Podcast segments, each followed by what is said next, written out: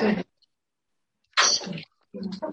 הרבנית, נמאסתי מהעולם ונמאסתי להיות בעולם. ואין לי כוח. בואי תצטרפי לחבורת נפלטי האנושות. מה נמאס לך מהעולם? אפשר ללכת לקומראן. אה, מתוקה שלי. אז יפה, איזה תשובות אתן כל כך גאוניות. לא, עדה זה אנחנו את מכירה את משפחת קומראן? במדבר יהודה שם היו חיים שם? הרבנית, יש מדברים לגנאי ויש כאלה שמדברים לחיוב. בואי בואי, לא ללכת רחוק. שמה צריכה ללכת עד לשם? המדבר הוא בפנים. וגם העולם זה עץ הדעת, אז נמאס לך מעץ הדעת. תרדי למדבר, למערות. זה המערה של רבי שמעון במקום מערת הקומראן. את מסכימה, רבי שמעון, יותר טוב מהקומראן? קומראין, איך אומרים ביידיש? קומראין, בואי תצטרפי, תיכנסי. זהו, בדיוק, זה מה שאני אומרת. אז זה כל הסיפור כאן, מה... מה, מה, מה, אתם, מה אתם מתבלבלות? אתם אמרתם אה, הבחנה הכי נכונה וטובה וברורה. מה חידשת בעולם שנמאס לך מהעולם? כשאנחנו אומרים עולם, אנחנו מדברים על שכל העולם, תודעת, תודעת שהעולם משתמש בה, תודעת הדעת של העולם שמשתמשים בו. אז זה כולנו כבר מסכימים שנמאס לנו מהמקום הזה, וקשה לנו לחיות בתודעה הזאת, בייחוד שאנשים אומרים נמאס להם, אבל הם בתסכול כי הם לא יודעים משהו אחר. אז כשהם אומרים נמאס להם, הם לא יודעים שיש אפשרות אחרת. אז הם לא יודעים שיש אפשרות אחרת. אבל אנחנו בדרך פה כן יודעים שיש אפשרות, כך אנחנו כן יודעים שיש אפשרות אחרת. כי הדיבורים האלה מכניסים אותנו כל השנים. מה עשינו? פירקנו את העולם. נגיד, נמאס לי מהעולם. אנשים אומרים נמאס להם מהעולם כי זה ביטוי לשון מצוי מאוד בתרבות של העולם. טוב, אז מה הם יעשו? אחרי רגע הם רצים לריגוש, לסיפוק, וככה כולנו חיים. ואנחנו רואים נמאס מהעולם, אז בואו נתחיל לעשות משהו. מה, מה נמאס? בואו נפרק, בואו נמיס אותו לאט לאט. אנחנו לומדים שהוא בעצם דמיון, שאנחנו שרויים בו, ונדמה לנו שהוא מציאות והוא קיים, והוא לא קיים, זה רק דמיון, ואנחנו אה, אחוזים בדמיון, והסתבכנו איתו, ואנחנו במבוך הזה של הדמיון, כמו שנכנסים בלונה פארק לביתן המבוכים, והולכים לאיבוד, ובסוף אנחנו נצחק להגיד, אה, זה רק היה כאילו ויצאנו. ככה זה ייראה לנו בסוף, אבל כדי להתעורר, צריכים לעבור את המהלך, וזה מה שעשינו כאן שנים. אנחנו מתבוננים, דיברנו על המילה פגם. מה זה הפגם? אף אחד בתודעת עץ הדת לא סובל את המילה פגם. פגם זה פגום, מישהו אוהב דבר פגום, את קונה משהו פגום, את רצה להחזיר. אתם יודעים למה אנחנו בשיעורים פה דיברנו על הפגם? בתודעת עץ הדעת, כל התודעה של העולם היא נובעת מ... מהמציאות שאדם אכל מעץ הדת והנחש פיתה אותו, אמר לו, וייתם כאלוקים. אם תאכלו מעץ הדת, תהיו אנשים עם דעת, יודעי טוב ורע, כמו אלוקים, שהוא יאכל מהעץ, ומזה הוא ברא את כל מה שהוא ברא, מזה הוא למד. זאת אומרת, עץ הדת הוא בעצם דמיון. ועץ הדעת, מה הדמיון שלו? שאנחנו כאלוקים. אנחנו יכולים להיות כמו אלוקים, אז אנחנו יכולים להיות הכי גדולים, הכי מוצלחים, הכי... אנחנו כל הזמן שואפים להיות כמו אלוקים. ותדעו לכם שזה דבר מאוד מעניין. גם הקרימינלים בעץ הדת, הם גם רוצים להיות כמו אלוקים, חושבים שהוא אדם, הוא עשיר גדול, ואז אם הם יגנבו, אז הם יהיו כמו אלוקים. אז הם ישלטו, ככה הם רואים את האלוקים, כל אחד רואה אותו איכשהו, והצדיקים גם רואים אותו. שהוא האלוקים הוא צדיק, ואם הם ילכו בחיגוף, אז הם יהיו כמו אלוקים. חבר'ה, זה דמיון. גם הצדיקים בדמיון. גם, להבדיל אלפי הבדלות, הרשעים, או להגיד הפוך, הרשעים בדמיון ולהבדיל אלפי הבדלות, הצדיקים בדמיון. אז מה הולך פה? מה הולך פה? אבל הצדיקים, חשוב שהעולם יהיה עם צדיקים, כי אחרת הרשעים ישתלטו ואי אפשר יהיה לחיות פה. ואם העולם יתהפך כאן הכל רשע, בלי הצדיקים שיש להם חוקים של התורה, הולכים בצדקות, אז העולם יחרב עוד פעם, כמו שהיה כל הדורות הראשונים, שהעולם הלך וחרב. אז טוב שיש כאן צדיקים, אבל עדיין גם הצדיקים מדומיינים על השם. אף אחד לא יודע מה זה השם.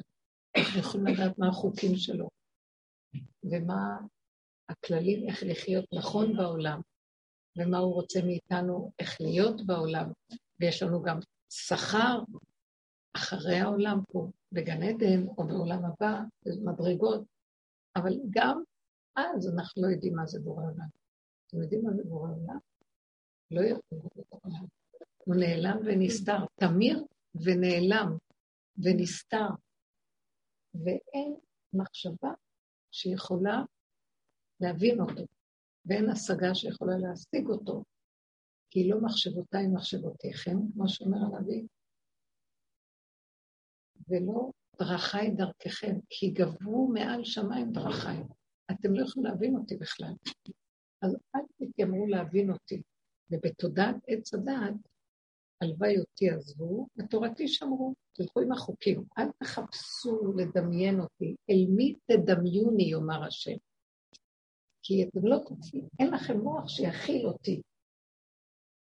על כן בתודעת עץ הדעת, שזה נקרא עולם, תתעוררי ושמה, תכף נשמע למה את לא רוצה עולם, אין, בתודעת עץ הדת, אין באמת בורא עולם בתודעה שלנו. יש לנו דמיון על בורא עולם. ואיך אנחנו מדמיינים אותו? כמו שאנחנו רואים את עצמנו. גם התורה אפילו, שהיא בתודעת עץ הדת, שהוא ידע, אחרי השבירה של הלוחות הראשונים, קיבלנו את הלוחות השניים. אז גם כן, מה כתוב שם? התורה גם, מילים השתנו. כתוב, ויכעס השם, ויתעצב השם אל ליבו. מה, השם יש לו לב כמונו והוא מתעצב כמונו, אבל מאחר ואנחנו לא יכולים להבין אותו אחרת, אז שמים לנו אותו, אנחנו מענישים אותו כמו עם א', עושים אותו כמונו, אז קל לנו להכיר, ואז אנחנו יותר עובדים אותו ככה, יש התייחסות, אבל עדיין זה דמיון, דמיון. אני אומרת לכם דברים עמוקים אמיתיים לגמרי, זה דמיון. אז איך אם כן? אז כל ימות עולם, שזה נקרא העולם, זה מה ש... איך קוראים? מירב, מירב היקרה אומרת לנו. כל ימות עולם, אנחנו צריכים להיות צדיקים מול הרשעים, ולא לתת ללכת ברשעות, ולא ללכת נגד החוקים, ולהחזיק שהעולם יהיה מאוזן ולא יחרב עלינו חד ושלים, חלילה, וכולנו נקבל מכות. אבל לקראת סוף התוכנית, חייבים לפרק את העולם. אמרתי לכם את זה, כתבתי את זה בעלון, אולי אני אחזור על זה עוד פעם. ישנו מדרש שהוא בעצם, במסכת שבת נראה לי כתוב, ורבי אה,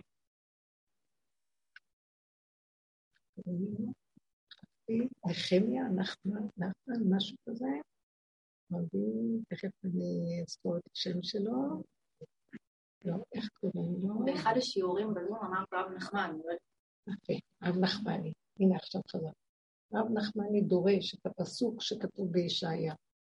כי אברהם לא ידענו, יעקב ישראל לא הכירנו, אתה, אתה השם אבינו, משהו כזה. אז רבי נחמני דורש, מה זה הפירוש הזה? מה זה אברהם לא הכרנו? מה זה יעקב? ישראל לא ידענו. אה, אז הוא אומר ככה לעתיד לבוא, או שהקדוש ברוך הוא בא לאברהם אבינו ואומר לו, אברהם, קום מהקבר, בניך חטאו לי.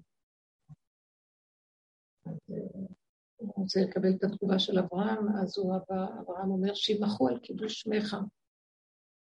שמעתם את התשובה שלו? אומר לו, אחר כך אומר לו, הולך ליעקב אבינו. יעקב, בניך חטאו לי, הוא אומר, אולי היה לו צער גידול בנים, אולי הוא קצת יסגר על בניו, הוא מצפה לשמוע משהו. אומר לו יעקב אבינו, שימחו על קדושת שמך. הוא אומר, אין טעם לא בזקנים ולא בצעירים, הלכתי לזקן, זה מה שעונה לי, הלכתי לנכד שלו, יעקב אבינו, זה מה שאומר לי.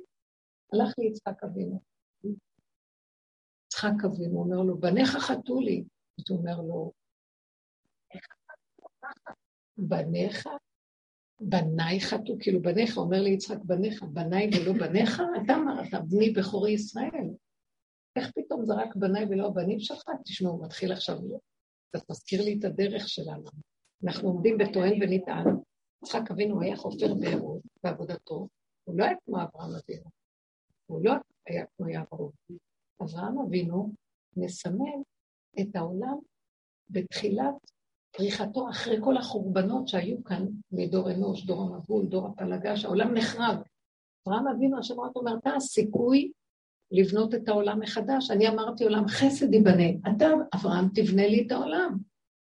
אור כזה אברהם אבינו אמיתי, ישר דרך, מחפש את השם בעל חסד, צדקה, אכפת לו מהעולם. תראו איך הוא עומד בסדום ומסנגר על הסדומיים. זה כזה אדם אני צריך בעולמי. אז אתה תבנה לי את העולם. אז אברהם אבינו, התפקיד שלו היה לבנות את העולם. יעקב אבינו מסמל את הגלות של עם ישראל בחושך. כל ימיו היה בגלות, ברח מהבית שלו, כי עשב ישב לו בעורף, נשף לו בעורף וכמעט גמר עליו. אז הוא ברח ללבן.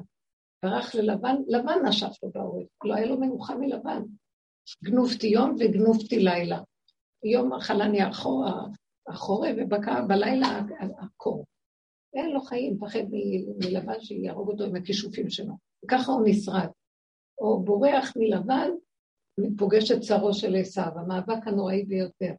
הוא אומר, עם, שרו של עשיו, נפגש עם עשיו, עם כל הפחד שלו שיהרוג אותו אם על בנים.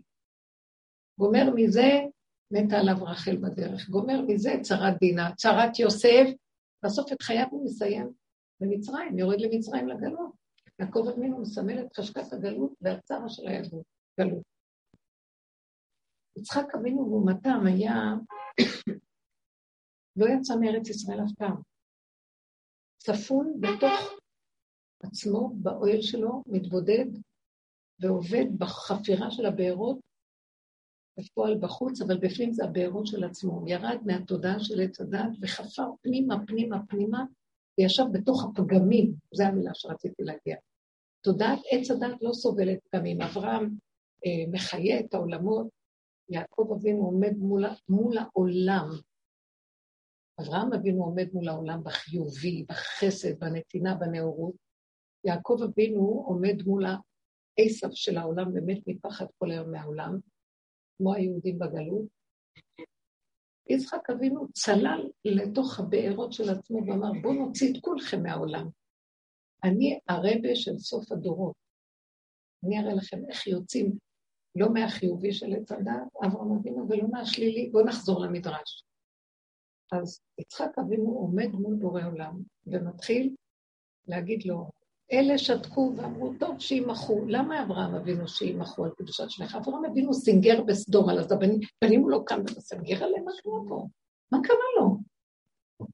אבל אברהם אבינו רואה את סוף הדורות, ואומר, תשמע, בורא עולם, סוף הדורות זה, אני לא יכול לעשות מה שעשיתי בתחילת הדורות, להקים עולם. סוף הדורות צריך לפרק עולם. אז שיבחו על קדושת שמך. אה, יעקב אבינו בגלות. אומר, אני סובל את הגלות, וגם הגלות הזאת נגמרה עליי, ואין לי כוח אפילו לסגר, בוא, בוא נפרק את הכל ונגמור את הגלות. בא יצחק אבינו, ויצחק אבינו אומר לו, בוא נראה לך איך אנחנו נפרק את הגלות בפועל ממש, זה הדרך שלנו. אז הוא יושב ועושה חשבונות עם בורא עולם. בואי את תתעוררי ותקשיבי מה אני אומרת לך, אם נמאס לך מהעולם. תעמדי מול בורא עולם. אז הוא אומר לו, בניך, בניי ולא בניך, גם הבנים שלך. כמה פעמים דיברנו כאן והבאנו את כל הכאבים והפגמים, הוא הולך לעשב שבו, ועם זה הוא עומד מבורא עולם. כי הוא למוד סבל וניסיון בתוכו ממש. והוא עומד מול בורא עולם ומתחכך כי אינו דומה לעמוד מול הגויים בחוץ בעולם זה לעומת זה, כמו שאתה עומד מול השורשים של הנחש במנגנון שלו, בתוכך, כמו מאורת הפריצים. יצחק אבינו נכנס לשורשים של הנחש. העשב של העשב שבתוכו. הוא יצא ממנו עשב, לא? ועם זה הוא עומד ומתחכך. אז הוא כבר למוד סבל, צער וניסיון, זה גם הדרך שנכנסנו.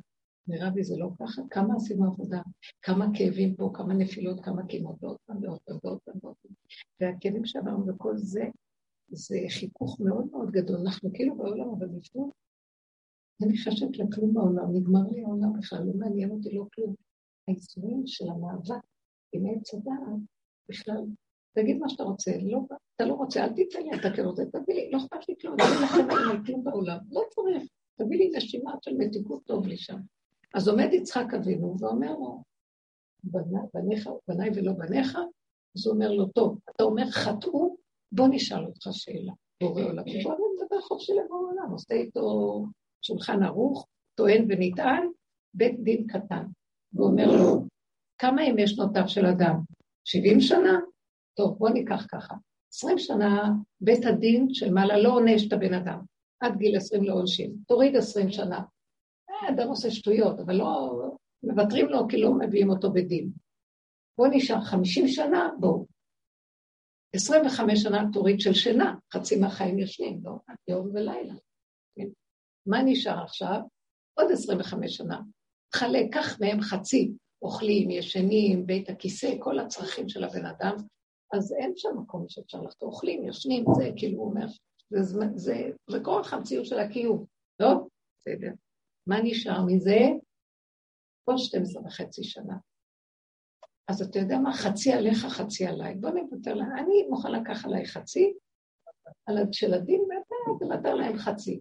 ואם אתה לא רוצה לוותר להם, אז עליי כל ה-12 וחצי שנה, כי אני רגיל להיות עקוד. אני רגיל להיות שהיד שמקבל על עצמו קורבן של כולם.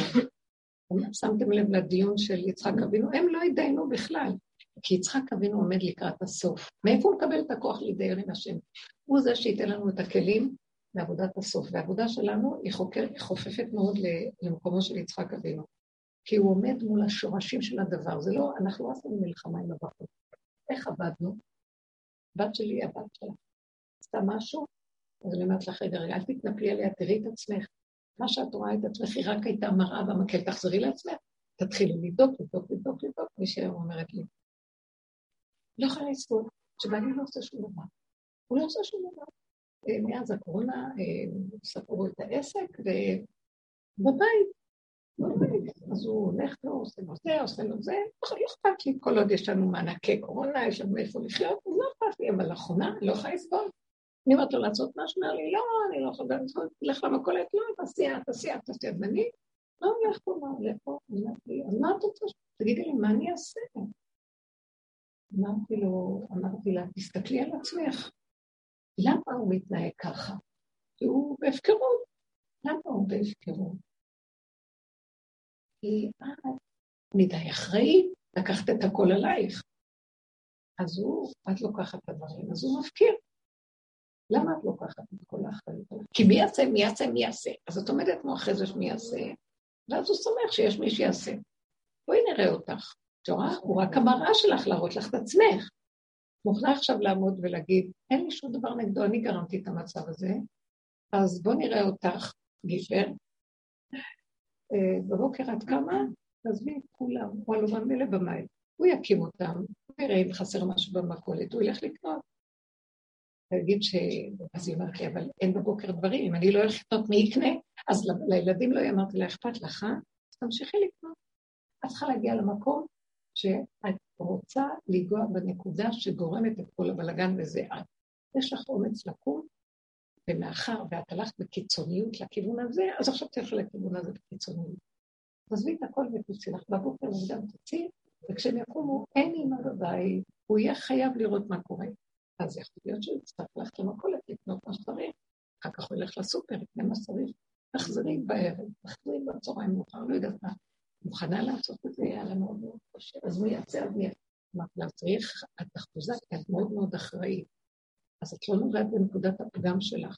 ואת חושבת שאת אימא טובה, בינתיים את קברת את בעלך, ואת טוענת שהוא בהפקרות ולא עושה כלום, ואין לו מוטיבציה לעשות כלום. אבל את גורמת, אז בואי, את מוכנה להיכנס למקום הזה? אז זו הייתה עבודתו של יצחק, להתחיל להסתכל פנימה פנימה ולהכיר איפה יסוד הפגם ולהודות ביסוד הפגם. מהו יסוד הפגם? שאת אה, נוח לך בכוחנות האימהית, נוח, נוח, יש לך סיפוק מעשייה. אז אם יש לך סיפוק מעשייה, תעזבי אותו, תגידי תודה שיש לי סיפוק. ואני נהנית, פרסתי את כנפיי על הגוזלים, אז לפחות אל תתלונני עליו. אז מה את מתלוננת? כי את נהנית ממה שאת עושה. לא, אמרתי לי, לא, זה כבר יותר מדי. אז אמרתי, אה, יותר מדי את כבר לא נהיית, רוצה רק קצת לגנוב, אבל לא יותר מדי, יותר מדי. בקיצור, הטיפול שורש הוא שתלכי קצת לקצה השני, ונראה אם את יכולה לעמוד בזה. אמרה לי, וגם הביאה עוד כל מיני בעיות עם ילדים, למה הם לא קמים, כי היא זאת שכל הזמן היא, היא, היא, והיא. בואי, תרימי עוד את זה, את יכולה? מי כאן יכול לעמוד חזק? אז תלכו עם הפגם שלכם, ותיגעו בו, ותיקחו אותו להשם, תגידי, אני עשיתי, אני עשיתי, וריבונו שלום תעזור לי שאני אעמוד בנקודה ואני אשחרר. בואו נראה אם אני יכולה לשחרר. אז כאן אנחנו צריכים לדבר עם השם, להתחיל להתווכח איתו ולהתדיין איתו, אבל לא על הבעל ועל הילדים, על עצמי.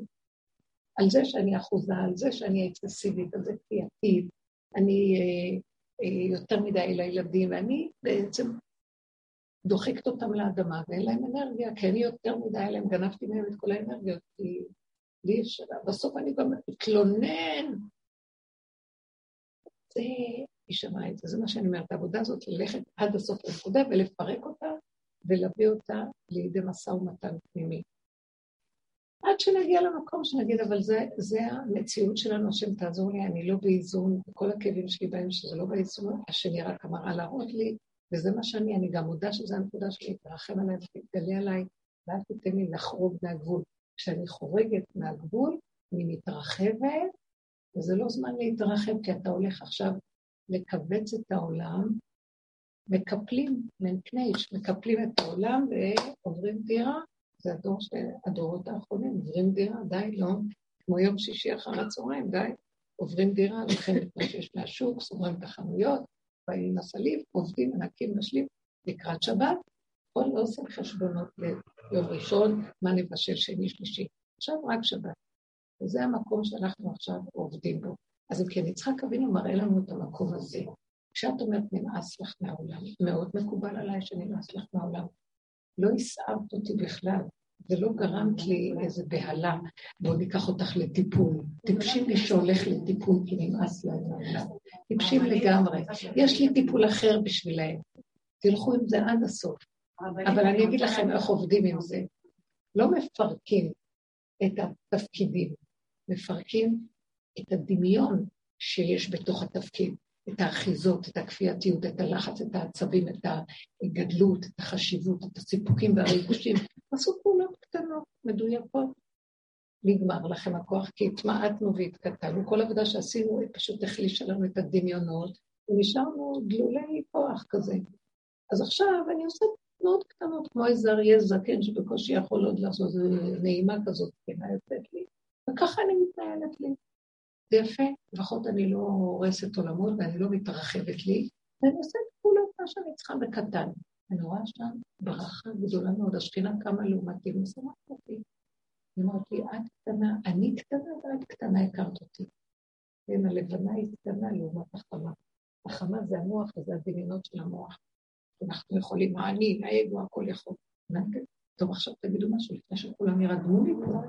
באמת. כן, תביאי את הדוגמה. זה בכלל במקום אחר. התחלף באחד המוסדות של הילדים המנהל. והוא כל יום מתקשרים, מתקשרים, מתקשרים, מתקשרים. פעם באמת הייתי כמו שאת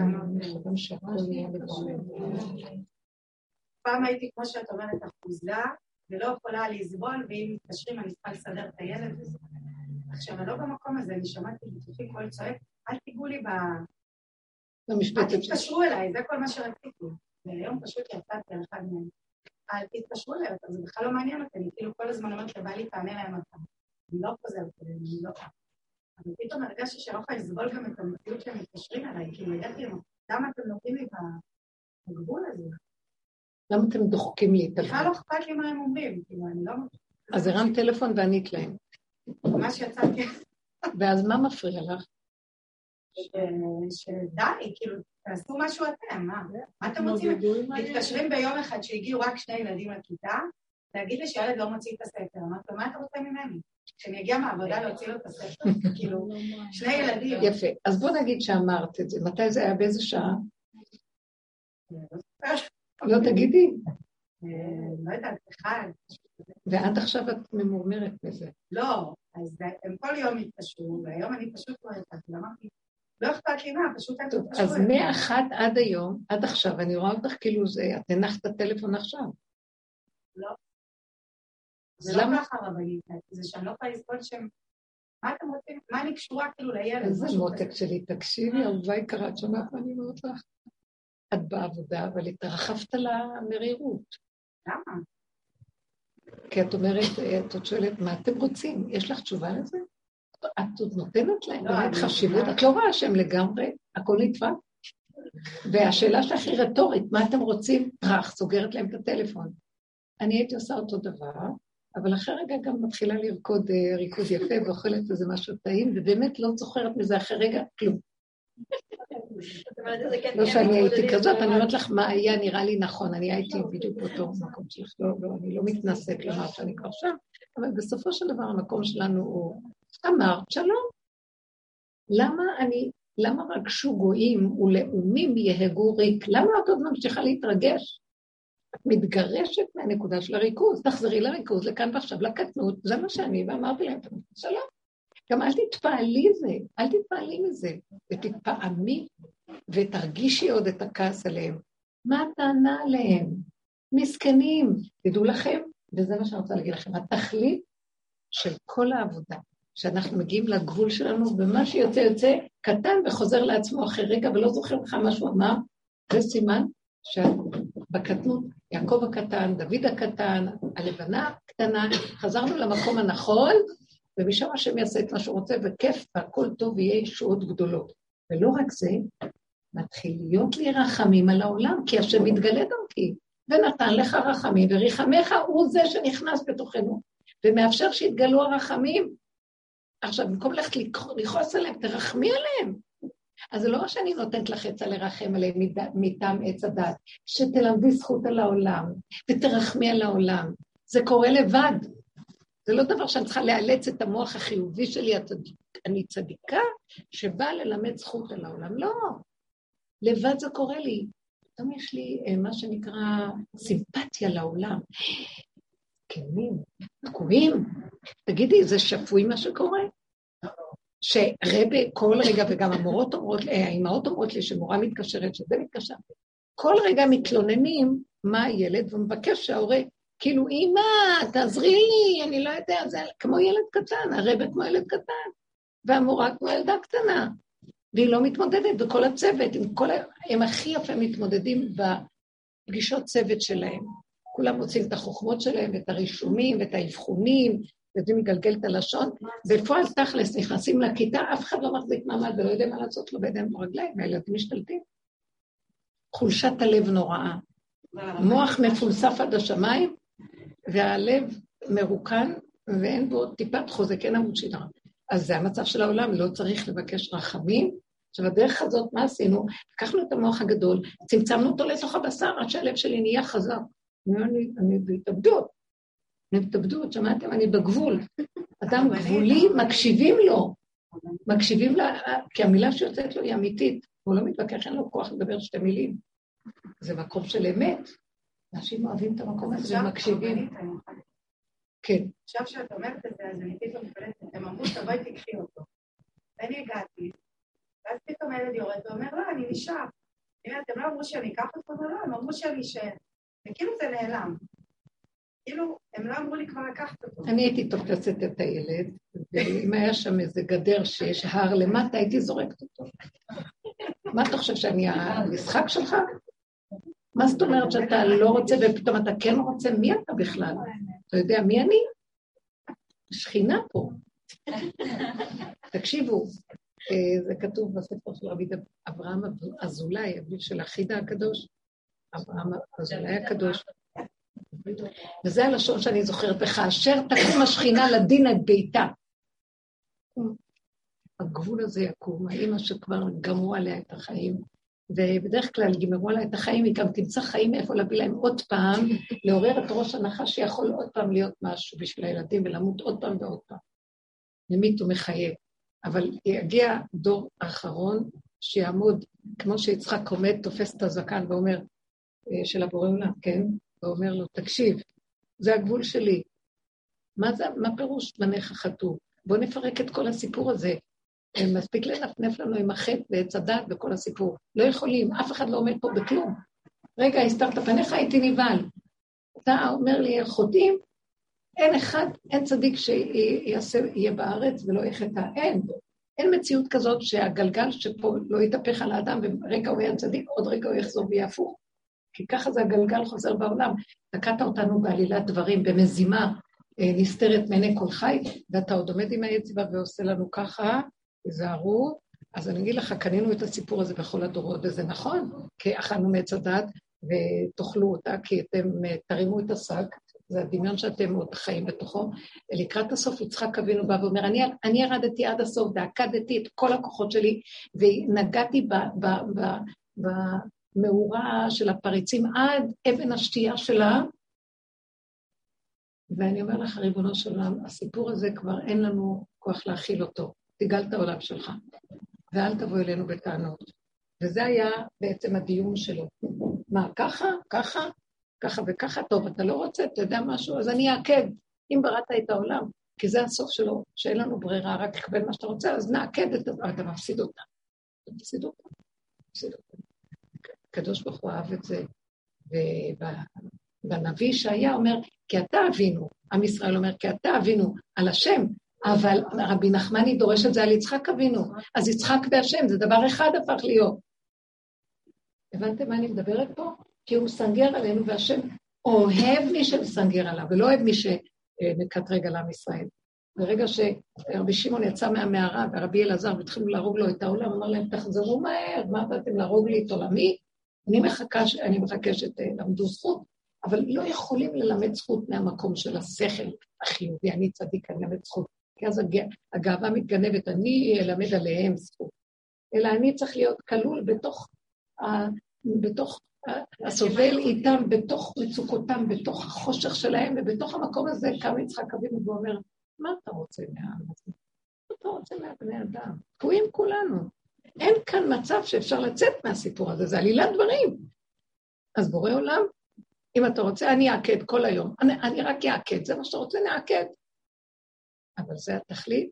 אז היא על מנת לברום מציאות חדשה. אז אני מוכן לעקוד, אבל תקום ותעשה מציאות חדשה פה, תתגלה במציאות הנאורה שלך. לא עם הסיפור של עץ הדת, עוד פעם, נתתם, נפלתם, קמתם, תעשו תשובה, תקומו, תמות, תחיו ותמות. לא ממית ולא מחיה. צאו מהסיפור הזה. באיזה משפט את כאילו, באיזה פסוק או... לא, בת מאוחר, תחפשי את זה בסדר. מה, אני פריירית?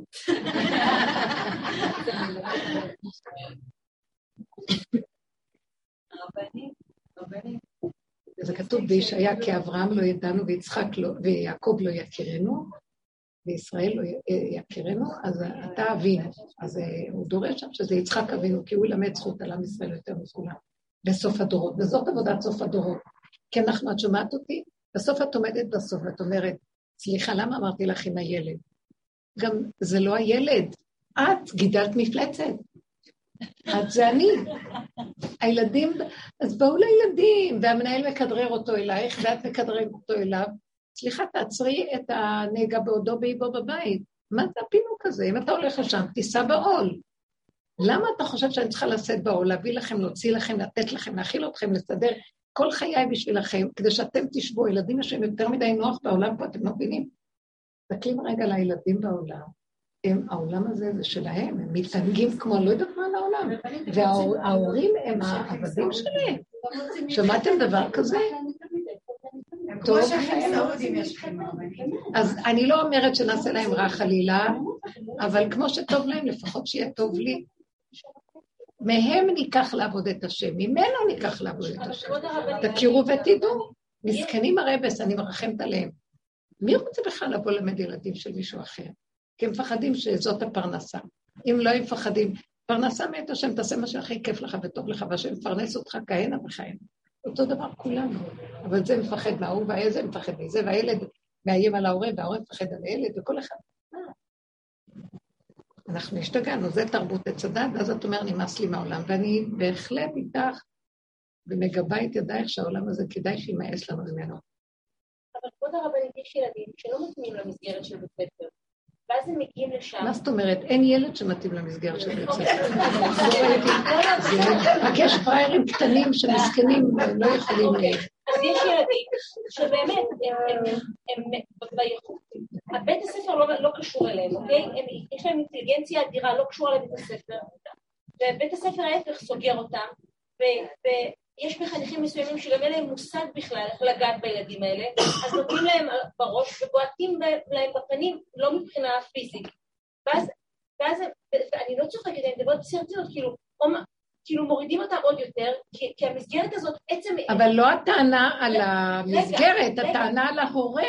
שהוא קולט את זה וממשיך לשלוח את הילד. רגע, אבל אז הוא בא הביתה, ובינתיים כבר החסר אה, אה, כישורים כבר מתקשר לאמא, מעדכן אותה, הוא לא אומר אני חסר כישורים, הוא אומר הילד שלך לא כשיר להגיע לבית ספר, ואז הוא מגיע הביתה והאמא נותנת לו עוד שתי, שתי בעיטות בפנים, ומועכת לו את המעט דימוי עצמי שגם מקודם לא היה לו, כי הוא לא מתאים לבית הספר. ואז כאילו, אחד, אחד הדברים הכי יפים שאת לימדת אותנו, כבוד הרבנית, זה להרפות ולא להאמין לבית הספר, ולא לבוא ולבעוט עוד יותר בילד. אז, אז פשוט המקום הזה שאת אמרת להרפות ולא להתייחס. אבל רגע, רגע, רגע.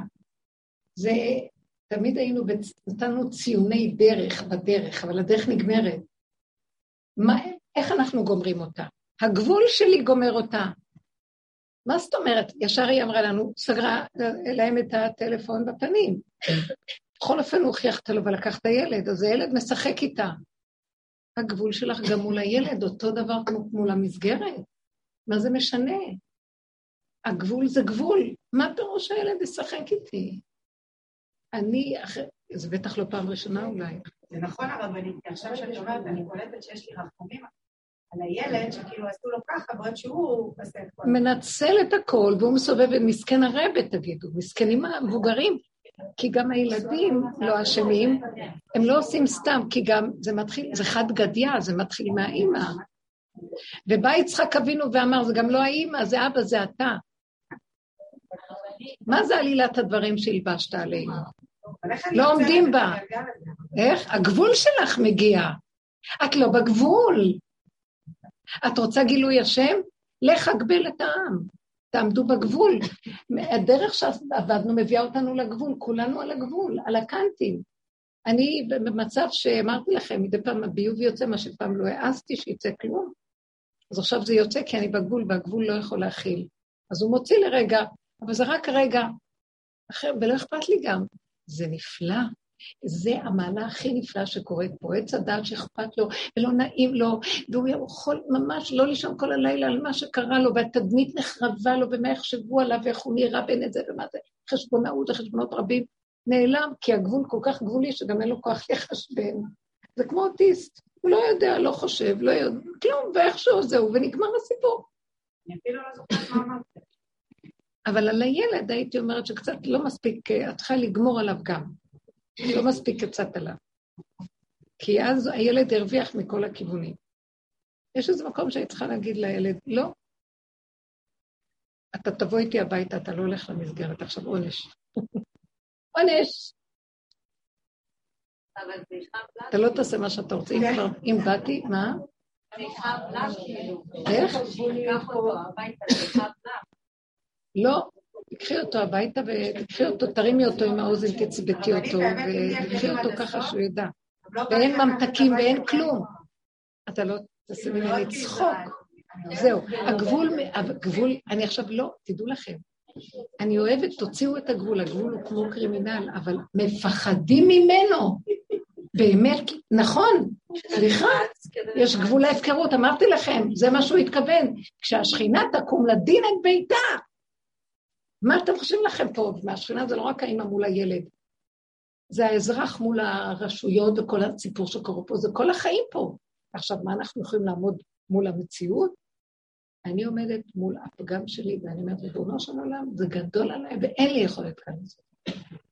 אז אני עומדת ממש מול התוכנית של הבריאה, של התוכנית של עץ הדעת.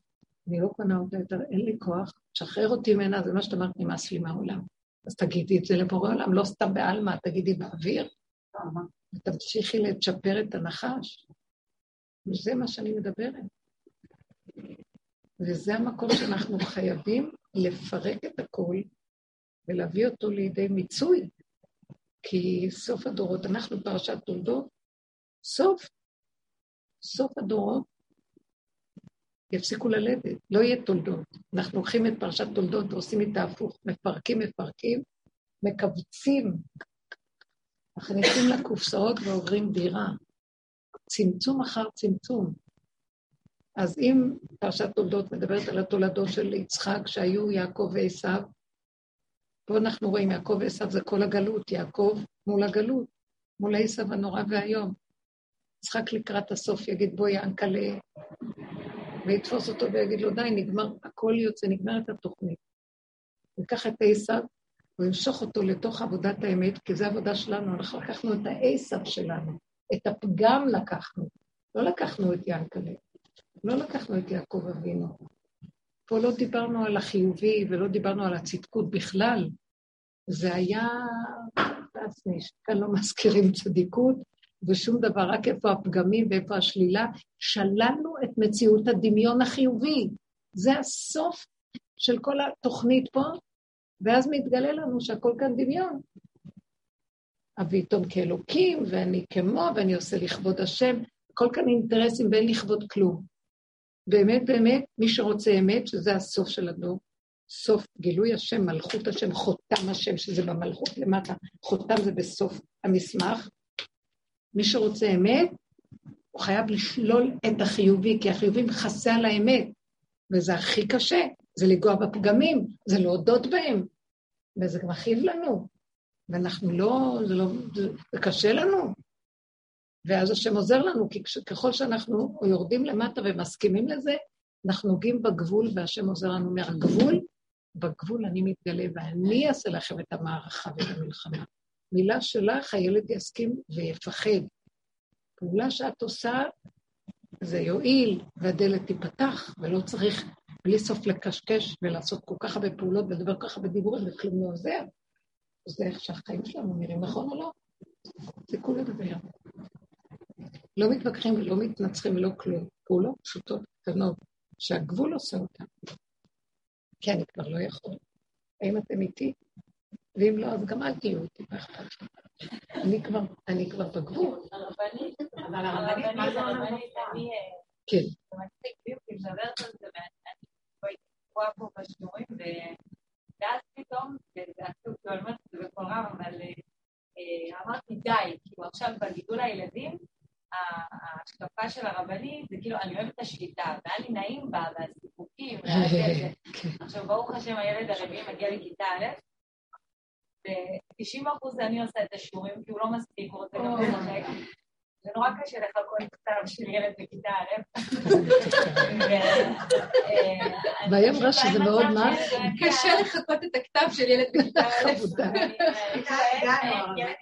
אם לא עשו שיעורים לא ילכו לבית ספר, כי רק העובדה של כאילו יגיע לבית ספר בלי שיעורים. ולמה הגעתי לשיעור? כאילו, מה אמרתי? זהו, כי את יצאת לי כבר שזה כבר... זהו, נמאס לי מהשיעורי בית שלו. לא, זה בסדר, זה יכול להמשיך. הילד, אני עושה הכל, המערכת, הכל תמיד יהיה בסדר. מה שקרה שכאילו, הילד לא מוצא את הספרים שהם בתוך התיק. אני מקבלת את הספרים אחרי שאני עשיתי שיעורי בית ואני עשיתי מערכת, ואז אני מקבלת מכתבים. עכשיו, אני שבוע מנסה לתפוס את הרב, להגיד לו שיש ספר ויש שיעורי בית. זה לא יעזור לך, אני לא... מאיפה את יודעת? אני עשיתי אותם.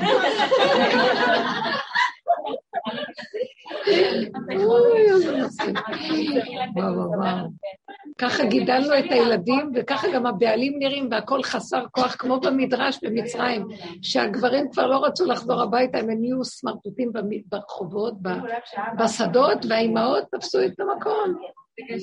פה ראיתי שהטלפון האחרון שעשיתי לרב, טוב, היית בערבית, היית בבטחה, התקשרתי לשעות שאתה אמרת, הוא לא עונה לי, ואחרי שבוע, בדיוק ראיתי את השכנה, אני חוזרת, ואני רואה אותה חוזרת מהשיעור של הרבנים, ואמרתי, אז לעבוד, זה קשה, הידיים רועדות, כי כאילו את רוצה להיות בשליטה, ואת רוצה, אבל שקרה לי ששבוע, אני כאילו, הכל מצוין. והילד לא מוצא את הספר מתוך התיק, ולא מראה לו את השיעורים שלו, והוא יפה עם אנשים והכל, אז אמרתי, תראו, על מי אני משקרת? כאילו אמרתי, בסוף זה יתגלה הכל. באמת, תקשיבו, זה תודעת עץ הדעת, שהיא מבוהלת מהתגובה שכנגד. זה גירוי תגובה, גירוי תגובה, תגובה, גירוי, גירוי תגובה, ואז מרוב פחד אנחנו אה, מפייסים את הדמיון של מה תהיה התגובה, אז אנחנו כבר מסדרים אותה מראש. והמצב הזה, זה מה שמזין את עץ הדת, זה השקר הכי גדול. כי אנחנו מראים לצד השני את הפחד שלנו ממנו, מהצד הנגדי. וכתוצאה מזה אני מפרנסת, הפחד שלי מפרנס לו את הגדלות שלו, ואז הוא מחזיר לי כל הזמן באותו מטבע. אני יותר מפחדת והוא יותר שולט, ואני עוד יותר מפחדת ויותר... כדי לספק את הסחורה. ובסופו של דבר, אנחנו עושים את הטעות הכי גדולה. כאילו היא עצויה, שהייתי אומרת לילד, אתה לא עושה שיעורים, זה עליך. אם משהו יקרה בתלמוד תורה, זה קשור אליך, אתה תצטרך להתמודד עם זה. זה עובד מצוין. ובאמת, את עוזבת את השטח והולכת, כמו שאמרתי לאותה אימא, קומי בבוקר ותלכי. מה יקרה? מה יקרה? אז, אז המורה התפלץ יום, וזה יצא, הילד יצא, ישלחו, ישלחו, הכל בסדר. אם היה לנו סבלנות, שאין לנו בעץ הדת, כי אנחנו מבוהלים, אז היה קורה דבר מעניין. הדברים היו מסתדרים. אין לנו סבלנות, אנחנו מבוהלים, ואם אנחנו לא נעשה, מי יעשה? זה אני של עץ הדת. אז אנחנו מיד אה, מקטיבים תרופה למכה וכן הלאה. מה, תחת אלוקים אני? תנו להשם להתגלות בעולמות, תנו נקודה של איפוק ולחוכמה. איפוק של מה? תכילו, תראו את הפגם, שאני רוצה להיות במקום השם, האני שלי, לא יכול לסבול, רוצה להיות חיובי ורוצה להיות טוב ושיהיה ולא יהיו לי צרות. אני נהיית פקעת של עצבים, מרוב הרצון שלא יהיו צרות, נהיה צרות פי חמש. אני רק מעריכה את הקץ, מפרנסת את ההתנגדות ונהיה עוד יותר גדול, והכל הולך הפוך. במקום שאני אגיד, זה המצב, אני עושה את מה שאני עושה, אני לא מדברת על הפקרות, אבל בגבול, קטן. בקטן הזה מופיעה השכינה ועוזרת לי, כי עשיתי עד הגבול, מה שאני יכולה, יותר לא שלי כלום. ואם היא לא מופיעה, מה קרה? אל תצפו שיהיה ישועה. עצם זה שהילד צריך להתמודד מול המורה, זה הישועה שלו, כי הוא לומד להתמודד. עצם זה שהמורה מתפלץ כי הוא לא תופס את האימא שלו, שהמורה יתחיל להרפות, שכולם יתחילו להרפות. מערכות החינוך הן מותנות, שתלוי בזה, שתלוי בזה. אה, המנהל הראשי, שרת החינוך, מטילה אימה על ראשי המחלקות, ראשי המחלקות על המפקחים, המפקחים על המנהלים, המנהלים על המורים, המורים על הילדים האלה. אחד גדיין. ובסופו של דבר, נעמוד, הילד הקטן יעמוד מול שרת החינוך בעצם, ויגיד לה, לא רוצה ללמוד, לא מעניין אותי. איך שזה ככה, זה לא מעניין אותי. כי הוא לא, הילד רואה את האמת, מה הוא רואה? שהם באמת לא באים ללמד אותו רק מהפחד של המפקח, של המנהל, של הזה, של הראש של, של ה... אז לא, לא אכפת להם מהילד. וזה הפך להיות שאחד מרצה שם.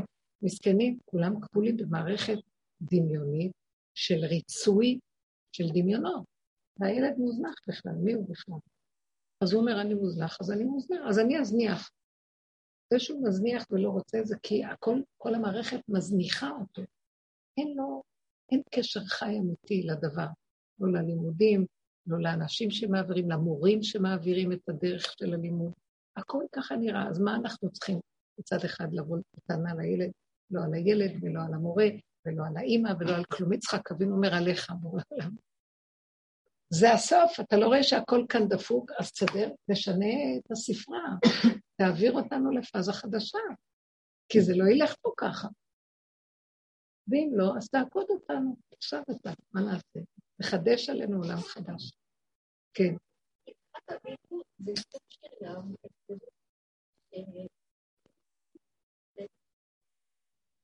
יצחק אבינו הוא כל כך בעומק של החפירה ונגיעה בפגם, שזה השורשים של עץ הדעת, מנגנון, חושף את השורשים, נחשפו, אה, עשיו נבעו מצפוניו, נחשף כל הראש נחש המאורה שלו, ומאחורי זה עומדת שכינה. כי השכינה שבויה שם, ברגע שהוא חושף אותו גם היא קמה. אבל הוא עד הסוף השכיל לרדת, כי לא הייתה לו אה, ברירה, לא הייתה לו ברירה, הכוונה, הייתה לו תכונה של עד הסוף. להישחט, שהיד, עד הסוף. הדרך שלנו דורשת נקודת חוזק ואומץ הלב. כל הנשים שהביאו גאולה היו נשים כאלה, אסתר הלכה עד הסוף. כאשר עבדתי, עבדתי. מה זה יעל אה, עם סיסרא? זה צעד לא נורמלי, לא חשבנה, עד הסוף. יהודית עם אוליפורנס נכנסה לתוך המערכות של האויב, והלכה עם הסיבוב של הנחש עד הסוף. כולל דוד המלך היה לו את המקום הזה, עד הסוף, עד שהוא נגע באבן השתייה של עצמו, התשתית של הקיום. והוא אמר, אני פה, ורק אתה עכשיו תתגלה, כי אין לנו יותר כלום. אין, לא מכירים משהו אחר. אבל עד הסוף מתנסה עד הסוף. לפגם. הוא מכיר את הגבול שלו. מתי מכירים את הגבול? שמתמסרים עד הסוף. אני מתמסרת עד הסוף, אני לא יודעת. פתאום אני רואה דלת עוצרת אותי, אני יודעת, זה הגבול שלי. משהו לא הולך, זה הגבול שלי. חוטפת פליק, זה הגבול שלי. מבינה? כי מי אמרת שהשקופי הרבנית? בדיוק. עכשיו, כשאת ראית את הילד חוזר, את לא ראית שזה הגבול שלך. האימהות התרחבה לך. מבינה מה אני מתכוונת? אם, המנהל, אם המורה היה לך גבול, אם המנגנון היה לך גבול, בא הילד, יש לך, אז בוא נשים את הפנס על האימהות שלך הרחבה. מירב זה שם של, אה, יש את מיכל ויש את מירב. היו שתי אחיות בנות של שאול. מירב היא הייתה הבכורה, היא מסמלת את השכינה הילאה. זה מה שנקרא רחבות הנהר. שכינה למעלה, לאה. רחבה, אם הבנים. רחל, תרדי למטה. המלכות קטנה, מצומקת, גבולית. ילדה ילד אחד, וילד השני לא היה לה כוח להכיל, הלכה. אין לה כוח לצאת. אני גבולית, אתה נותן לי, פותח לי את השער טוב, לא פותח, הפסדת. היא בעצם לא הייתה. כי לאה הולכת עם הרוחני, והרוח הוא אוויר. רחל עפר, אין לי כוח, אני גבולי. זה פותח. דור האחרון רק עם הגבול נביא את הגאולה. נשב עוד קצת רחב. אז היית גבולית עם הזה, למה לא המשכת את זה על הילד? כי הנקודה של האימהות הפריעה לך מול הילד. אז על זה הפגם ותסתכלי עליו. תתחילי להפקיר אותו להשם. וזה בעיקופין, בעקיף, מה שמביא לך את הייאוש שנמאס לך מהעולם. זה הילד. זה לא הילד, זה את ביחס לילד. הוא יראה לך את עצמך. בואו נבדוק, האימהות שיבדקו את עצמן, שילמדו להרפות. לא אומרת להפקיר את הילדים, אבל להפקיר את האחיזה, את הרגש, את הדמיונות, את הרחמנות, על האכזרי. יש שם משהו אכזרי בילד. לא אכפת לו מאף אחד, רק מעצמו. טלטל אותה את כל הזה, כי בא לו. כן. מה אמרת? לא, רציתי לשאול מאותו מקום אם בכלל הייתה צריכה ללכת לילד. שמה? אם מאותה נקודה שאת מדברת, היא בכלל הייתה צריכה ללכת... לא, הייתה צריכה להגיד למנהל. לא, אני לא באתי לקחת, היה עוד ילד שגמר, באתי לקחת אותו. ואז הבנתי למה השני לא מגיע, אז אמרתי לו, איפה אח שלך? הוא אמר, לא, הוא נשאר. הוא היה צריך גם להישאר, כי עלו עוד שעות, לא? לא, אבל מה שהיה מוזר, שהילד לא ידע בכלל שהתקשרו להגיד זה. כאילו זה מה, אמרו לי. אז מה שלא היה ברור זה...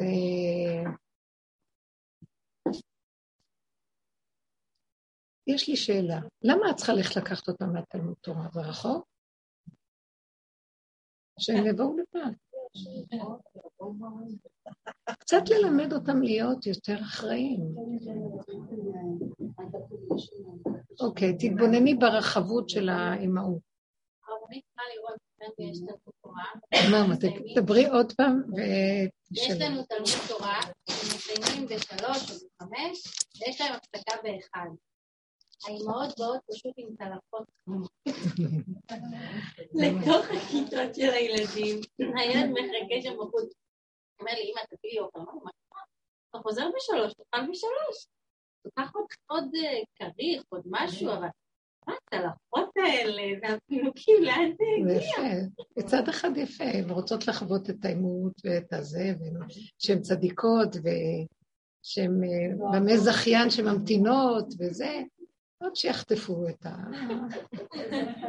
אין דבר, זה נחמד, זה סיפוקים יפים של עץ הדת החיובי. הילד הראשון רצתי גם אני עם צלחות, הילד השני כבר... קיבל את הצלחות על הראש. לא ארוחת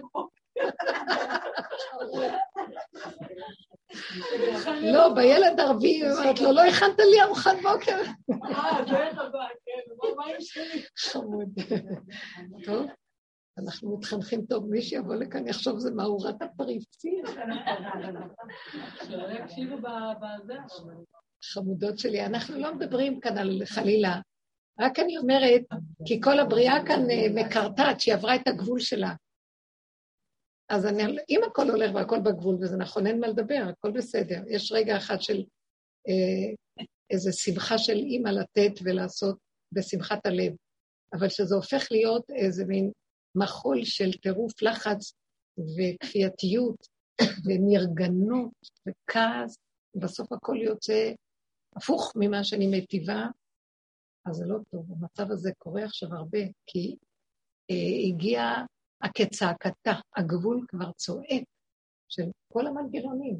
המורות כבר לא יכולות, לא למנהלים לא יכולות, לא למפקחים לא יכולות, הממשלה, הכל, והאימהות והילדים, וכולם, כל הבריאה, כאשר נגיע למקום, ויצעקו בתל שבתם אל השם, אז תבוא הגאולה. אנחנו צריכים להגיע לגבול, כי בגבול יוצאת הצעקה, וזה בסדר שיוצאת הצעקה. כי אמיתית זה לא כחל וסרק, ואת זה השם שומע, כי השם אמת והוא שומע צעקת אמת. שזה סתם צעקות של פינוקים, זה לא זה. הצעקת הגבול היא אמיתית, והיא נשמעת. אם את צועקת מהמקום שאת רואה את עצמך שאת לא יכולה להפסיק, כאילו להיות מנהלת, זה הצעקות של העבודה שראינו את עצמנו. באמת, שעשינו בפגם, ירדנו וראינו שכמה שאני רוצה, כי לא כל אחד, הגבול שלו, יש כאלה שנורא קשה להם להגיע לגבול, כי הפגם שלהם זה הרחבות. אני שמה, בכמה דברים שראיתי על עצמי, כל אחד בנקודות שלו. יש דברים גבוליים ויש דברים שאני רחבה בהם. אה, שראיתי שמה שאני לא עושה, אני לא יכולה להפסיק. אז אני קיבלתי, היה לי תקופה עם הגדלות, נראה לי שדיברנו על זה פה, כי זה משהו בטבע, ואמרתי לו, אני לא יכולה, אז אני מקבלת ומשלימה, תעשה עם זה מה שאתה רוצה, זה מה שאני, ואני יודעת שאני לא. אז אני לא הולכת עם זה, עם הגדלות וההפקרות, אלא אני הולכת עם הגדלות הכפויה עליי, שאין לי יכולת לשנות אותה. וגם אני לא רוצה להצטער עליה יותר ולעשות עליה עבודות, כי זה לא נגמר, כי זה הטבע שבראת להם, כן, זה שלך, לא שלי. אז הגדלות שלך, לא שלי. היו לי תקופות שראיתי איזה משהו של גאווה, שלא נפסק. בהתבוננות שלי, אז אמרתי, אז הגאווה שלך, לא שלי. להשם הגאווה, אתה בראת יצור עם גאווה. ובהתחלה עבדנו זה כי הגאווה נגנבת, וזה שלנו, עץ הדת מרחיב אותנו, גונב אותנו, הישות גונבת. אבל כשאנחנו עושים עבודה, עבודה, עבודה, עבודה, ועוד פעם קופץ לו הגאווה, ואני אומרת לו, הגאווה היא כבר שלך, השם. לך יאה להיות גאה. אז הגאווה שנתת לי היא שלך. לא רוצה יותר לרדת על עצמי ולא כלום. ואחרי שנייה אני שוכחת ולא יורדת על עצמי, אין עבודה ואין כלום.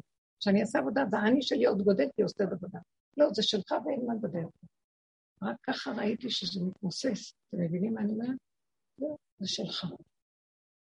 כן. אני אומרת, שלנו, מה זה שאתה טוב?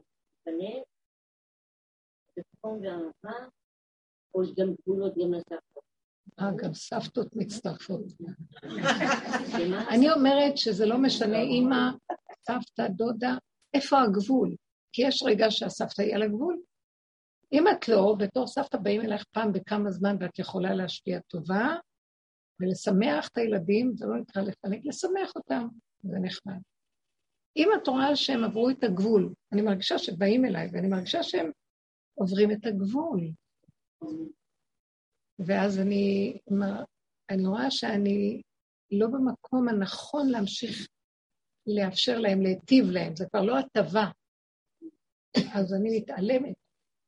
אני מתנהגת כאילו הייתי אני האימא שמתעלמת, זה לא משנה. זה נוגעים לי בנקודת הגבול, וזה לא הגון, כי הם עוברים את הגבול שלהם. אז ראיתי שההטבה שלי הייתה מדי מוגזמת. למשל בחלוקת ממתקים, או בכל מיני דברים, כל רגע יבוא, כל רגע. או מצבים כאלה שאפשרתי להם, אז אני רואה שזה קשור אליי. וכשאני נותנת את הנקודה וסוגרת, זה לא מולם, זה מול עצמי. אז הם עומדים במקום ומכבדים, כי זה הגבול. תדעו לכם, העולם מכבד את הגבול. בגלל שאין גבול, אין כבוד. כבוד של השכינה הוא הגבול מתגלה, אבל אמיתי. לא, אנחנו לא נולדנו היום, זה קשה, יש כאן הפקרות יתרה, אין כבוד לבגדים. תראו כמה בגדים יש בחנויות, אפשר להגיד, אין כבוד לבגדים. בגד זה מידה, זה מלשון אה, מדים, בגדים, מידות. אין כבוד למידות, המידות לא, לא מתחברות. יש יותר מדי שפע, הכל זרוק, זרוק, זרוק. אוכל, אין כבוד לאוכל. אין כבוד. לא יודעת שזו המילה שאני יכולה להגיד. אין כבוד לחומרים. הכל מצוי ובצורה כבר מגעילה. לא שווה. תעשו סטופ, תכבדו, אל תקנו. לא צריך. בשביל מה? זה קובר אותנו, בשביל מה? יש מספיק, יש מספיק. לא, אני צריכה להתחדש הכל בדמיונות כבר גם כן. יש דמיון מזה. בואו ננסה לעבוד עם מה שיש ונהנה מזה. אז אני רואה שהדמיון שלי רק שזה כאילו בגלל שאני עוד עומדת מול העולם ומה... אבל אם נניח שאני במדבר ואין עולם ואין כלום, אני יכולה להשתמש באותו בגד עוד פעם ועוד פעם והכל טוב. זה באמת רק דמיון שלי. אז הכל צריך להיות מדויק, אנחנו צריכים להגיע לדייק בצמצום הנכון, ושם השכינה נמצאת. אנחנו באים, מה עשינו?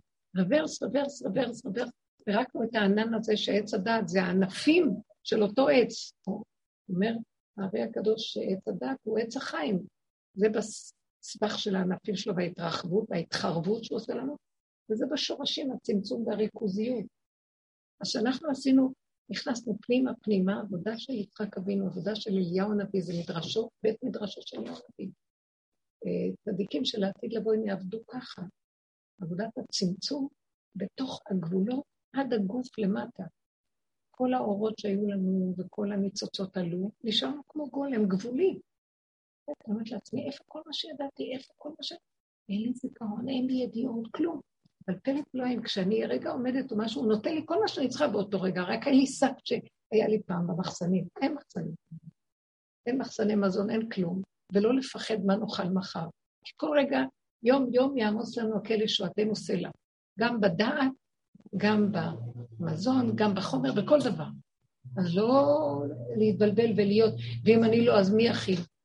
לשחרר ולהיות רגועים בתוך המציאות העכשווית של כאן ועכשיו, בנחת. ולא לתת למוח, אל, ת, אל תלכו למוח, תלכו עם הבשר ודם למטה. אז כאילו, בחלק הזה נראה, אין לי מוח, אין לי זיכרון, אין לי איפה כל הידע, איפה כל הזה, לא יודעת מי אני, הזהות מטשטשת לי. לא, לא חשוב הרבה דברים. פתאום לא אכפת לי אם אני, פעם חשבתי, לא, את זה לבש, היום מחר תלבשי את זה. אכפת לי אם לבש את זה עוד יום ועוד יום ועוד, ולא אכפת לי כלום, כל עוד זה נקי וזה בסדר. הדמיונות נופלים והכל יהיה מרוכז, וזה מדהים. שם יש חיים טובים, אין דואליות, יש רגע, ויש עוד רגע, ויש עוד רגע, ואין אחד עוד אחד ועוד אחד ועוד אחד, ונהיה מסכת. כל רגע נהיה החיים הכי טובים בעולם. ואני מתרגשת מהרגע ונהנית ממנו. ואם אני רגע אחשוב מה יהיה הרגע הבא, אני כבר נכנסת למצוקה. אני לא רוצה, לא רוצה, אין לי כוח לטבול טיפה מצוקה. רוצה ליהנות מהחיים ולהגיד תודה.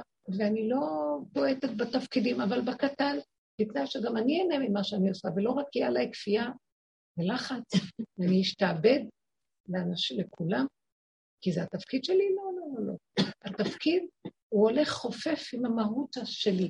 אני צריכה ליהנות, ואז התפקיד גם יוצא טוב. ואם אני מוותרת על זה ורק הולכת לתפקד, בסוף אני מכאיבה לכולם, ואני עושה דברים לא טובים לעצמי גם. אז לכן תלכו על הרגע, תלכו על הכאן ועכשיו, על ההתמעטות ועל הצמצום, ותהנו מהחיים ותפתחו את הפה ותגידו תודה, תודה, תודה. ילד, את רואה אותו פתאום, תודה לילד. השם תברך אותו, שיהיה הכי טוב, הכל ילך לו הכי טוב, הוא עליך, לא עליי. כן? כל רגע אני זורקת הכל על השם, הכל יכול. הוא מוגבל, הוא יכול ברגע אחד בהרף עין אחד להכיל את הכל. הוא שומע את כל הצעקות ואת כל הלחישות ואת כל התפילות ואת כל הדומייה, את הכל ברגע אחד. ברגע אחד הוא מביט מקצה עולם ועד קצהו ויודע הכל. איך? זה בורא עולם, אנחנו לא יודעים איך. אל תעשי לו הנחות. הוא לא את. כבוד הרבנית, נותנים גבול לילד רק מתוך הגבול שלך, או שאין קשר?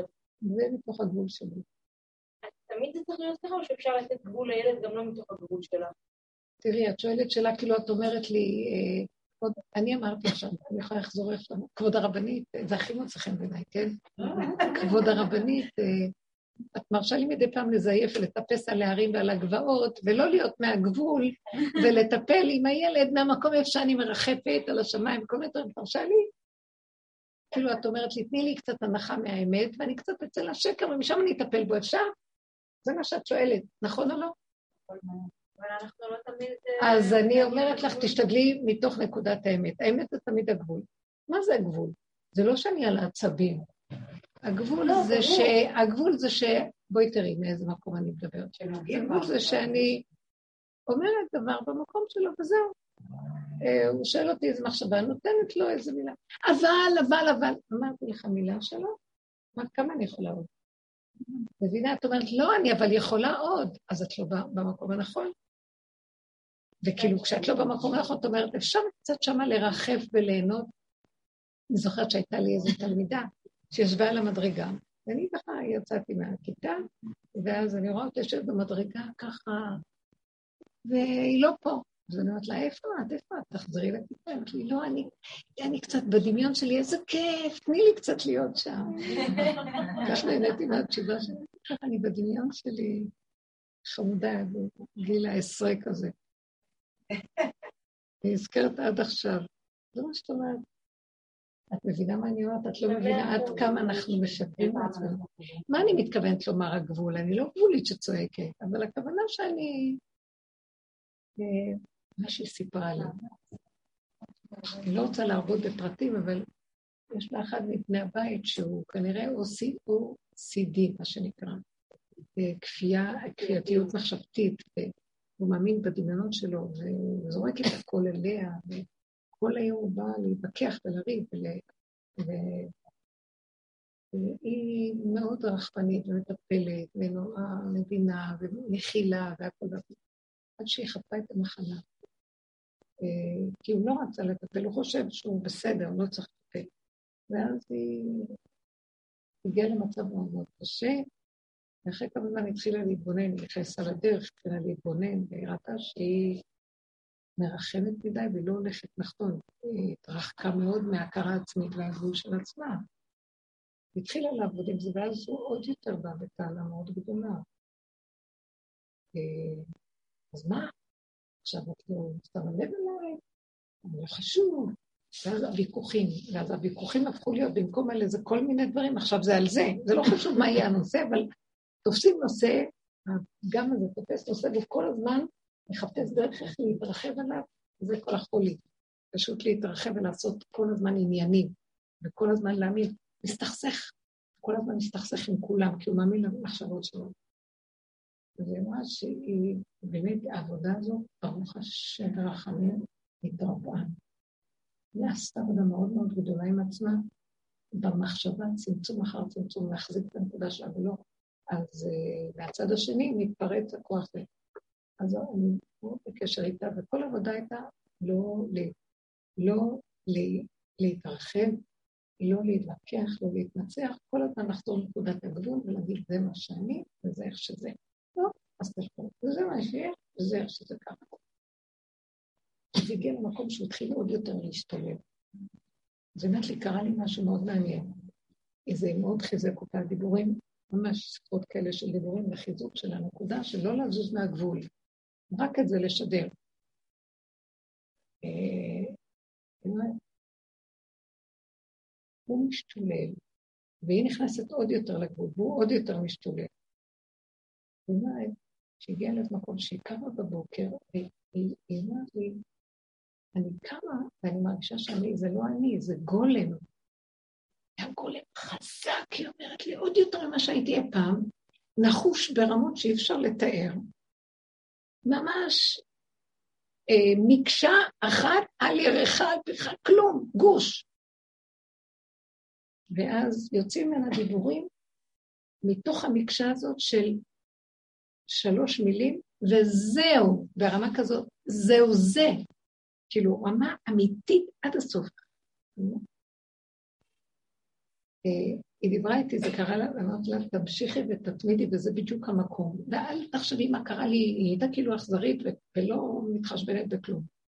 עד שיהיה מה שיהיה. אמרתי לה, תדעי שזה הרפואה שלו. לא מצאנו לו רפואה, זאת תהיה הרפואה, תראי את זה. אחרי כמה זמן אני חוזרת, אמרתי, הוא השתנה, באמת לא. פעם עושה דברים, שותק, זה כאילו, הוא נבהל מהמקום של הגבול. אתם מבינות מה אני מדברת? הנה ועכשיו לא משחקת אותה גבול, באמת הגיע לגבול. והגבול מדבר, כאילו איזה משהו חזק שאין עוררים. ויש לה לב מאוד רך, והיא טיפוס בעצמה מטפלת, והיא טיפוס מבין. אומרת לי, לא מבינה, לא רואה בעיניים, לא קולטת כלום, גבולית, נקודה. נעבך הבן אדם מתחיל להתפתח. הוא מתפתח. הוא נבהל מהמקום הזה, זה כאילו חזר אליו כמו מראה. סכנת עולם. יש משהו שם שזה בעצמו הביא לו את האפשרות של, ה, אה, של המיפוי. זה יכול להיות שבשלב זה הוא ירצה אפילו ללכת ולקחת גם איזה סוג של טיפול, להמשיך לעזור לעצמו, אבל לפחות יש כאן איזה שינוי בגישה ובזה. הגבול הוא המרבה. כן, עוד כמה דקות. כן. יש לי שאלה כן. על סיטואציות שקורות, אוקיי? כן. הייתי בקניון, באיזושהי חנות, עכשיו אני אה, המתנגדת הגדולה בעולם בכל מה שקשור לקורונה והשקר שמסביב וכל, אז הלכתי בקניון, אני נאלצת לשים מסכה, אבל אני שם אותה לא על האף, אני לא מוכנה לנשום ככה. ואז מגיעה אליי איזושהי אישה מבוגרת ואומרת לי, יכולה בבקשה לשים את המסכה שלך על האף? ואני מודה שברגעים האלה, אם אני בדרך כלל בן אדם ששותל מילים, אני לא שוקלת מילים ברגעים האלה, כי זה כאילו, זה הגבול שלי, אבל הוא גבול לא טוב, הוא גבול כאילו ללא איזון. כי אני, זה מעין התערבות בגוף שלי, כאילו, כדי שהיא תהיה בסדר, אני צריכה לעשות איזשהו משהו, ואני לא מכירה אותה אפילו. ואז אמרתי לה, למה המסכה שלך לא עובדת? אז היא אמרה לי, לא, אני מגנה עלייך עם המסכה שלי, אז את צריכה לשים את המסכה שלך. אז אמרתי לה, לא, כאילו, לא, את לא, את מגנה אך ורק, את לא, לא באמת מגנה, אבל מגנה רק על עצמך, ואני אגן על עצמי אם אני אבחר. אבל, אוקיי, אז אמרתי את הדבר הזה, ובמקרה גם היה שם איזה מישהו שאמר לי שאני עוד, עוד בא לטובתי ואמר לה, אבל יצאתי אחר כך בהרגשה כאילו ש... זה ממש אה, מעלה לי את הדופק, הדברים האלה, וגם אני חושבת לעצמי, אישה יותר מבוגרת ממני, ואז אני כאילו יוצאת מאיזה גבול שהיה לי לפני כן, של לכבד בן אדם שהוא, לפנות אליו באיזשהו כבוד, ואני כאילו לא מוצאת את ה... את פשוט הלכת עם האג'נדה שלך, ואת עם זה נלחמת, לא עם האמת, זה לא אמת. קשה לי עם זה. ההתערבות הזאת, זה חוצפה. אז עד כה אני מבינה שקשה לך. מאיפה הקושי בא? הקושי, המילה קשה קשורה לעץ הדעת. שיש לך דעה על הדבר והתבססה לך דעה מתוך ההשקפה שלך, ואת אה, מחזיקה אותה כדגל ואת נלחמת, מי שיפריע לך עם זה. אז את הולכת עם התסמונת של עץ הדת. ועץ הדת שהולכים עם תסמונות כאלה, זה ירים דגל של אחר ויהיה מלחמה מול מלחמה. וככה זה עץ הדת. אז אה, אנחנו לא עובדים ככה. מה אני רוצה לומר? זה לא אומר שזה נכון לשים מסכה. זה לא אומר שזה לא נכון לא לשים מסכה. לא אומר כלום. אני אומרת שאנחנו לא עובדים עם הדעות פה. אני עובדת לרגע, בוא נגיד שיש לי דעה, לא מצד הדעתני, מצד שהשכל הישר אומר לי, זה בית משוגעים, לא מוכנה לאמץ את המשוגעים האלה. טוב, שכל אחד יעשה מה שרוצה, אני לא, בסדר? בא מקרה כזה מולי, ואני רואה את הבן אדם השני, שהוא מבוהל, נכון? אז עכשיו, אם אני בעבודה נכון, אני לא אחזיק בדגל, אני אוריד את הדגל ואני אזיק נכון. זה בן אדם נבח מסכן, לא יכול, יש לי רחמנות עליו. אם אני אעשה ככה וזה ירגיע אותו, אני אעשה ככה וזה ירגיע אותו. לא מתווכחת, לא מתנצחת, לא באה להראות לו שאני יודעת, לא מריצה לו את תוכנית המחשבה שלי ומאיפה הבאתי את המקורות אליה, ושאני ברמה אחרת בעולם. לא, לא, לא, זה לא בכלל המקום שלי. אני מבין משהו? זה מאוד קשה לעשות את זה. זה הכנעה, זה מקום להוריד ראש, זה מקום שאני אומרת לעצמי, עזבי את הדעות, לעצמך יש לך את הבהירות, מה נכון ומה לא נכון, מה נכון בשבילך. אבל חוץ מזה, מצד המידות, מצד האמת, יש כאן אדם מבוגר מבוהל, או אדם צעיר מבוהל, לא חשוב, בן אדם מבוהל. ויש לי רחמנות על הבעלה שלו, אני לא יותר טובה ממנו, זה מעלה מסוג אחר. הבנת אותי? זה המקום שהשם ברא את עולמו, ויש לו רחמנות על הבריות. הוא נותן לזה את מה שהוא צריך, ולזה מה שהוא צריך, ולזה מה שצריך. אנחנו בינינו לבין עצמנו, אני אראה להוא, והוא יראה להוא, ואני אראה לו מה זה, וכולנו באים עם הדעת שלנו ועושים מלחמות וגם עם הדעת. והדעת הזאת החריבה פה את הכדור כמה פעמים, והיא הולכת להחריב עם הפצצת עוד פעם, ואנחנו לא הולכים ככה, אנחנו מורידים ראש ואומרים לבורא תתגלה בעולם לפני שאנחנו נחריב לך את העולם. על ידי זה שאני ככה עושה לה, אני מחריבה אותה לה. אתה משנה קטרוג. תראו אותה, היא חושבת את עצמה, היא מסכנה, עלובה. היא לא חווה את הפחד שלה, לכן את הפחד הזה זכית, אבל לה יש פחד. אנחנו צריכים ללכת ברמה של אמת ורחמנות. ומי שיש לו בגרות נפשית, שהוא עבר את הכל, וקלינו את התוואים שלנו, גם לי יש כזה צד, ואני רציתי לערוף את העולם. אבל החזקתי, פחדתי שאני נמצאת, ושיחקתי אותה, עד שאפילו לפעמים כבר לא יכולתי לשחק, ויצא לי הנקודה, אבל כשיצא לי הנקודה שלי, כשגמר לי תודה. כי זה יצא מנקודת אמת. אתם מבינים את כל המעגל הזה? כן. אנחנו צריכים לבוא מהמקום הזה, מתוך הבשר, לא מתוך הדעת. בחוויה אחרת, שם נמצאת איתנו שכינה. ואז השם אוהב את עולמו, והוא עושה שלום בעולמו כשהוא רואה שאנחנו מתנהגים ככה הוא גאה בנו. תודה רבה לכם. תודה רבה.